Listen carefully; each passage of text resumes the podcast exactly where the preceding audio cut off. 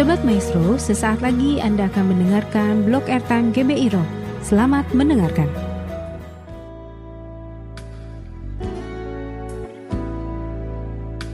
Tema kita pada kali ini adalah multiply. Multiply itu adalah berlipat kali ganda. Terus multiplikasi itu terus berkembang. Multiplikasi artinya adalah bertambah banyak. Multiplikasi artinya adalah bertambah hebat Multiplikasi artinya kita berkembang dan berdampak. Apakah kita siap untuk berkembang dan berdampak? Amin.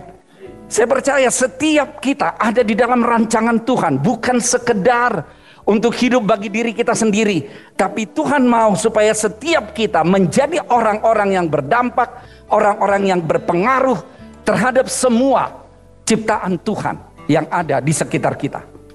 Untuk itu kita akan baca firman Tuhan Kejadian 1 ayat 28. Kita baca sama-sama. 1, 2, 3. Allah memberkati mereka. Lalu Allah berfirman kepada mereka, beranak cuculah dan bertambah banyak. Penuhilah bumi dan taklukkanlah itu. Berkuasalah atas ikan-ikan di laut dan burung-burung di udara. Dan atas segala binatang yang merayap di bumi.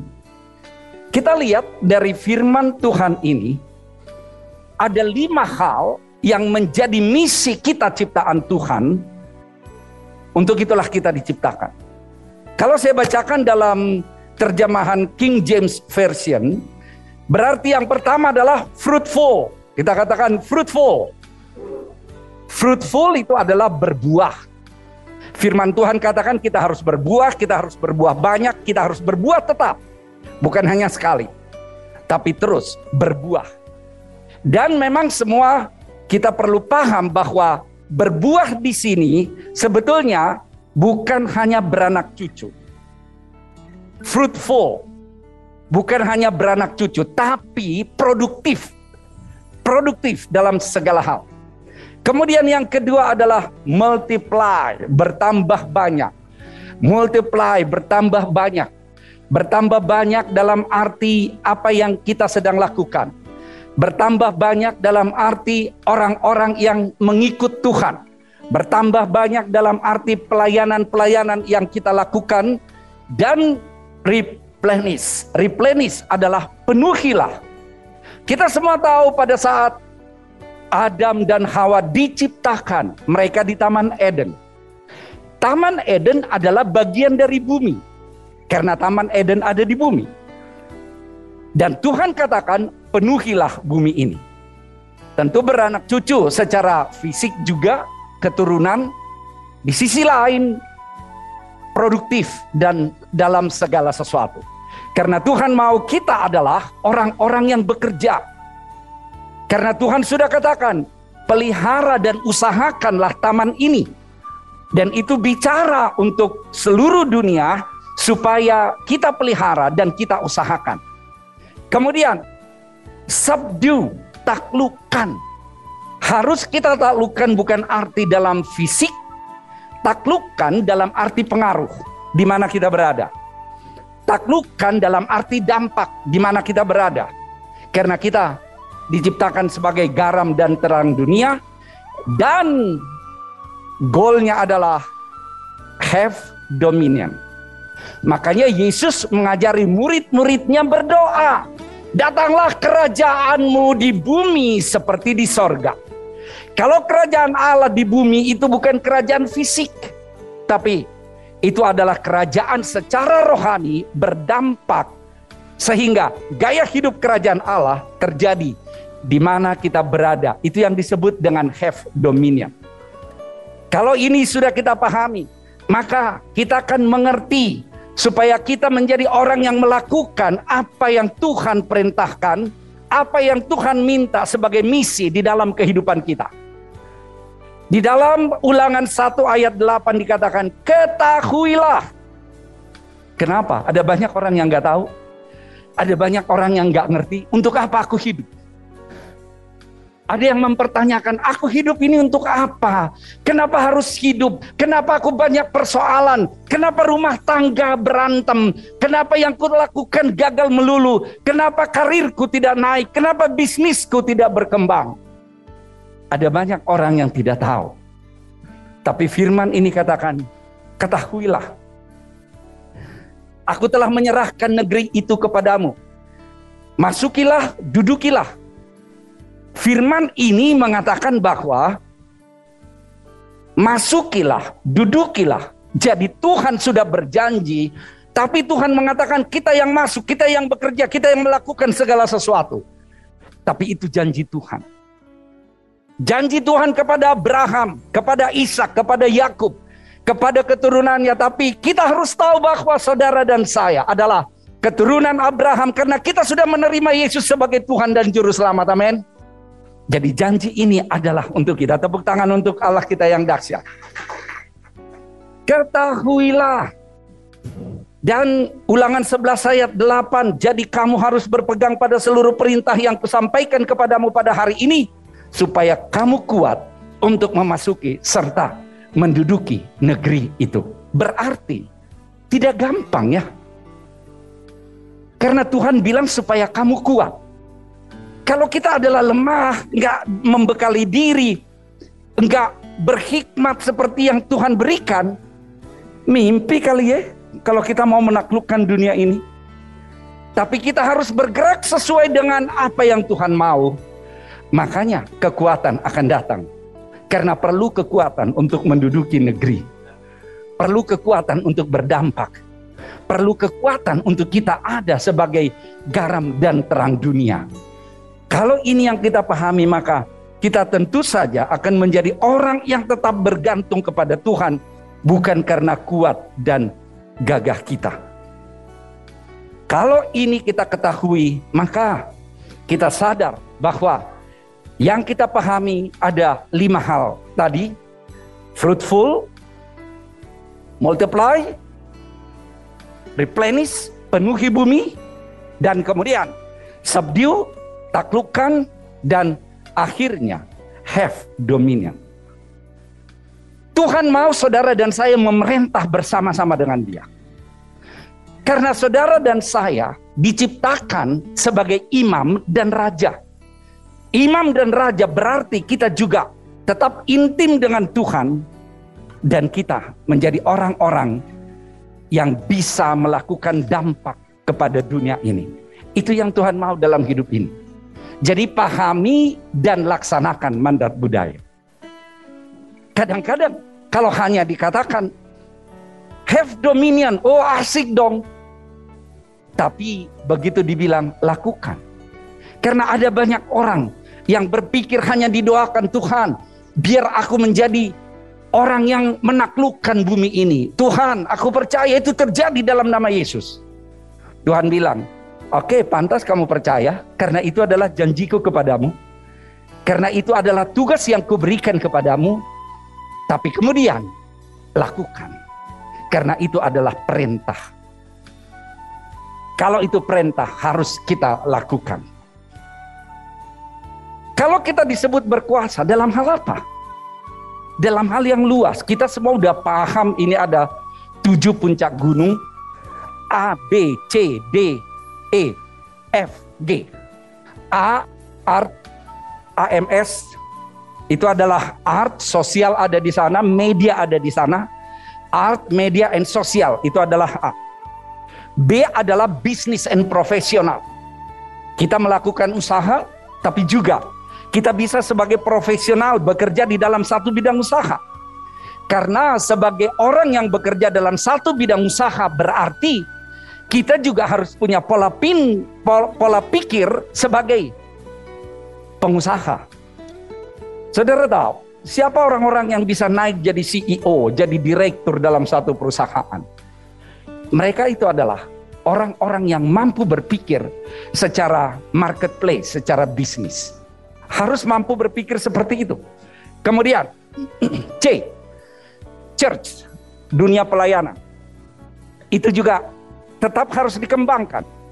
Kemudian D, development of the poor. kita harus mengembangkan dalam aspek sosial juga. A. Education. F. Family. G. Government and politics. Itulah bidang yang harus kita kembangkan.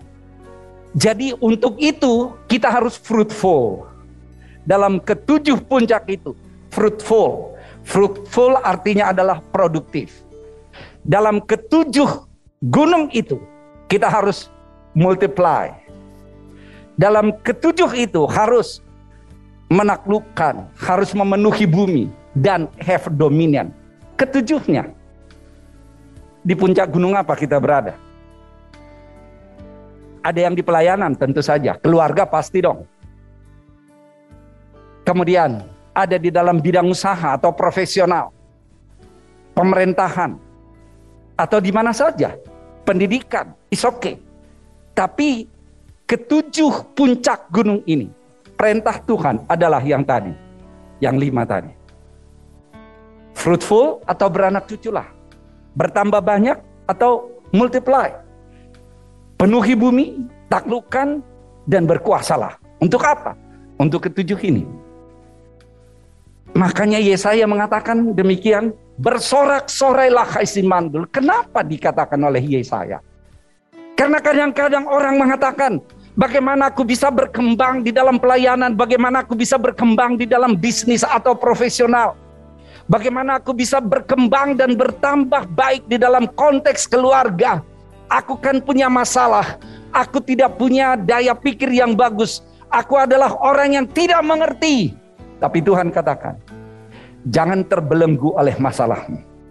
Kalau engkau mandul dan tidak produktif selama ini, hari ini Tuhan katakan, bersorak-sorailah. Karena apa? Karena ada janji Tuhan yang akan memberikan kekuatan. Ada janji Tuhan yang akan memberikan hikmat di dalam kehidupan kita. Mungkin kita anggap kita nggak bisa memperluas wilayah bisnis kita. Mungkin kita anggap kita nggak bisa memperluas wilayah pengaruh kita. Tetapi dikatakan di sini, lapangkanlah tempat kemahmu. Kembali saya ulang, jangan dibalik Jangan katakan, Tuhan lapangkanlah tempat kemahku. Bukan. Jangan minta. Karena ini sudah perintah. Kalau itu perintah, berarti itu harus menjadi gaya hidup kita senantiasa. Perintah loh. Sebab engkau akan mengembang ke kanan dan ke kiri. Tuhan sudah janjikan. Saudara mau mengembang ke kanan dan ke kiri? Amin. Tepuk tangan untuk Allah kita yang dahsyat itu adalah berita sukacita. Walaupun berita tantangannya adalah lakukan sendiri. Karena saudara dan saya yang diminta lapangkan. Tuhan sudah berjanji, engkau akan mengembang ke kanan dan ke kiri. Tetapi engkau yang melakukan dengan kekuatan yang datang dari Tuhan. Itu yang Tuhan minta di sana. Sehingga kita bukan menjadi orang-orang yang cengeng, orang-orang yang manja, yang kedua, multiplikasi yang menjadi tema kita ini adalah bagian dari keseluruhan multiply, replenish, fruitful, multiply, replenish, subdue, have dominion. Itu adalah bagian dari keseluruhan yang Tuhan perintahkan kepada setiap saudara dan saya. Karena multiply ini adalah sesuatu yang esensi untuk kita lakukan. Prinsip-prinsipnya tentu ada yang di, uh, dalam fruitful, replenish, subdue, dan goalnya adalah have dominion. Tetapi inti yang harus kita lakukan di sana adalah multiply. Kita lihat. Fruitful, baru kemudian multiply, lalu replenish, kemudian subdue, baru have dominion. Ini adalah satu kesatuan. Kalaupun sekarang kita bicara multiply, sebetulnya itu adalah bagian dari kelima hal yang menjadi mandat budaya yang diberikan Tuhan kepada manusia. Itu adalah bagian satu kesatuan, mulai dari fruitful, multiply, replenish, subdue, have dominion. Dan saya katakan tadi, itu berlaku untuk ketujuh puncak gunung bukan hanya untuk satu saja, tapi berlaku untuk ketujuh puncak gunung A, B, C, D, E, F, G. Ini yang harus kita lakukan di sana. Fruitful berbuah dalam bahasa Ibraninya sebetulnya itu disebut produktif. Kalau kita dalam bahasa Indonesia kan kalau dibilang beranak cucu yang ada di otak kita langsung bayi kan. Eh, lahir. Itu termasuk di dalamnya. Tetapi lebih luas lagi, be produktif. Tapi kalau Tuhan memerintahkan sesuatu dalam hidup saudara dan saya, sudah Tuhan taruh kemampuan itu di dalam saudara dan saya. Tuhan tidak akan memerintahkan kita tentang hal yang tidak bisa kita lakukan. Dikatakan, be produktif. Apa sih yang menghasilkan buah? Benih. Benih itu ada di dalam saudara dan saya. Benih itu bukan buah. Dari benih itulah datang buah. Benih bicara ide yang menjadi visi. Ada benih. Kalau kita lihat bagaimana laptop muncul, itu karena pada suatu ketika orang melihat, weh, komputer kok segede, ya hampir satu ruangan inilah. Lalu dia berpikir, saya mau di setiap meja ada komputer yang bisa digunakan orang. Ide. Ide itu jadi visi. Tapi visi tidak akan jadi kenyataan kalau tidak dilakukan. Makanya kemudian dilakukan dan sekarang kecil banget. Nggak hanya di meja, di kantong juga bisa. Dan itu terjadi sekarang. Benih bicara ide menjadi visi. Visi direalisasikan menjadi buah. Apa yang jadi visi kita? Visi kita jadi berkat dalam arti orang bisa gampang untuk makan. Pasti ada benih di dalam kita yang Tuhan taruh untuk bisa membuat makanan-makanan sehingga orang lain bisa menikmatinya dengan baik. Kalau kita tidak produktif, kita adalah orang miskin. Jadilah produktif karena itu perintah Tuhan. Saya berharap kita mengerti hal ini supaya kita menjadi orang yang produktif. Kalau kita menjadi orang yang produktif maka kita bukan tergolong kepada orang yang miskin, tapi kita tergolong kepada yang makmur. Saya berusaha untuk produktif. Saya menulis buku dari ide, jadilah buah. Dan buah itu bisa dinikmati oleh banyak orang. Karena saya mendalami dalam hal, misalnya fisika. Saya tulis buku untuk itu. Dan itu jadi produksi yang bisa dimultiplikasikan sekarang kita bicara multiply. Multiply melipat gandakan. Pelipat gandaan hanya akan terjadi jika ada reproduce. Jika ada reproduksi. Kalau kita produksi sekali selesai, tinggal kenangan. Apa yang sedang kita jalani? Pelayanan yes. Usaha bisnis harus dong. Bagaimana supaya kita bisa melipat gandakannya, memproduksi kembali. Kunci multiply adalah reproduksi seperti yang saya katakan barusan. Untuk reproduksi perlu sistem sehingga standar kualitas terjaga. Kita bikin PMP. Lalu laku online juga oke, okay. ada tempatnya juga iya. Lalu kalau kita buka di tempat lain, harus ada sistem supaya rasanya sama. Kemudian kita buka di kota lain, harus ada sistem supaya rasanya sama. Jangan sampai kualitasnya berbeda. Apa yang tidak bisa dilipat gandakan atau direproduksi tidak akan membawa keberhasilan dan kemakmuran. Mau kita bilang, aku bisa ciptakan ini hanya sekali. Itu tidak akan bawa kemakmuran. Tapi kalau kita ciptakan, ciptakan lagi, ciptakan lagi, ciptakan lagi, ciptakan lagi. Itulah yang bisa potensi untuk kemakmuran. Dalam segala hal, A, B, C, D, E, F, G. Semuanya itu. Bukan hanya dalam satu bidang. Karena firman Tuhan ini sebenarnya adalah dasar dari segala kehidupan. Dasar dari segala kehidupan. Kita mengerti yang satu ayat ini aja kita kebayang. Wow, untuk ini aku diciptakan. Jangan bingung ngapain aku ada di dunia ini. jelas perintahnya. Multiply. Replenish, penuhi bumi, perlu distribusi. Cabang-cabang untuk penyaluran produknya. Jadi dalam kehidupan ini perlu diperhatikan. Supaya jangan kita terkungkung seperti kodok di bawah tempurung katanya. Bangga. Aku tidak punya cabang di mana-mana. Ups. Dari dulu saya sedih melihat istilah seperti itu.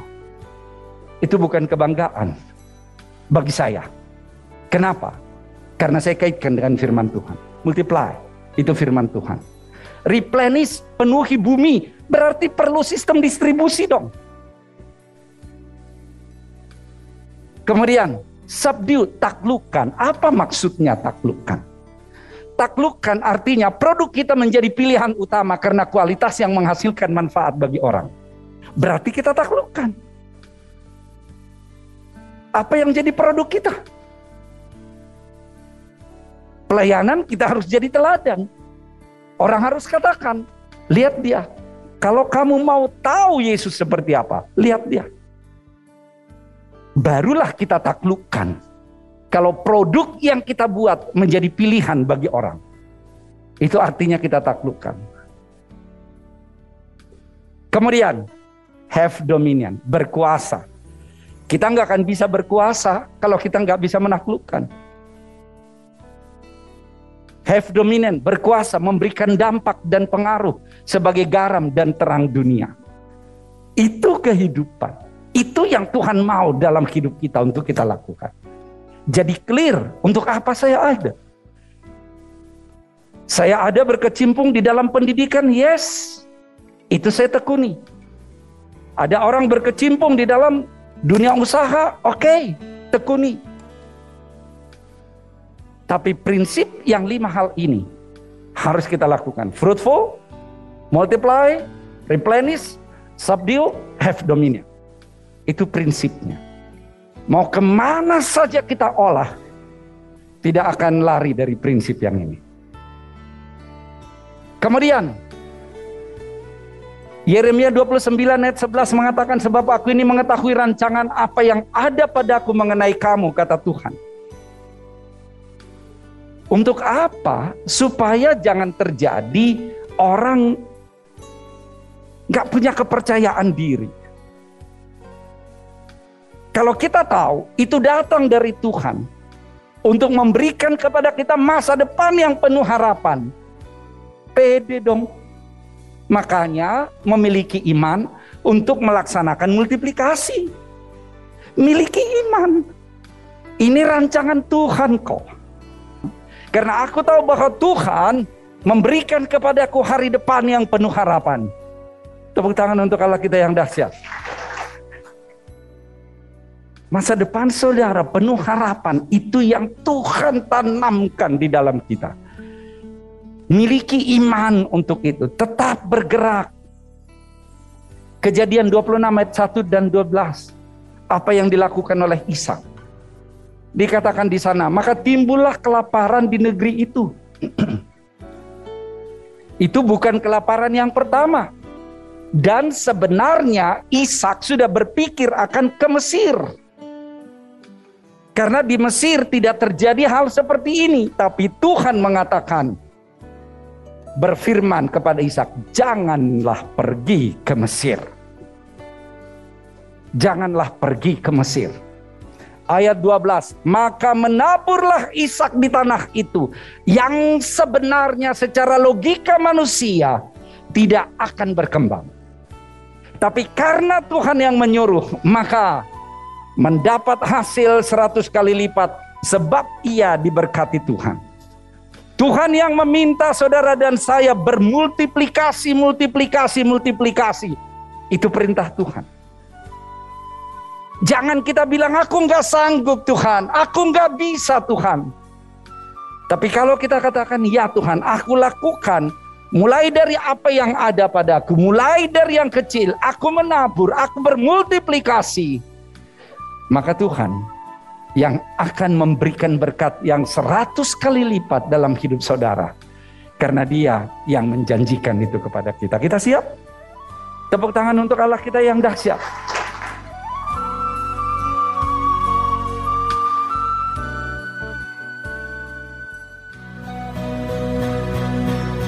Terima kasih Anda telah mendengarkan blog Airtime GBI Rock. Tuhan memberkati.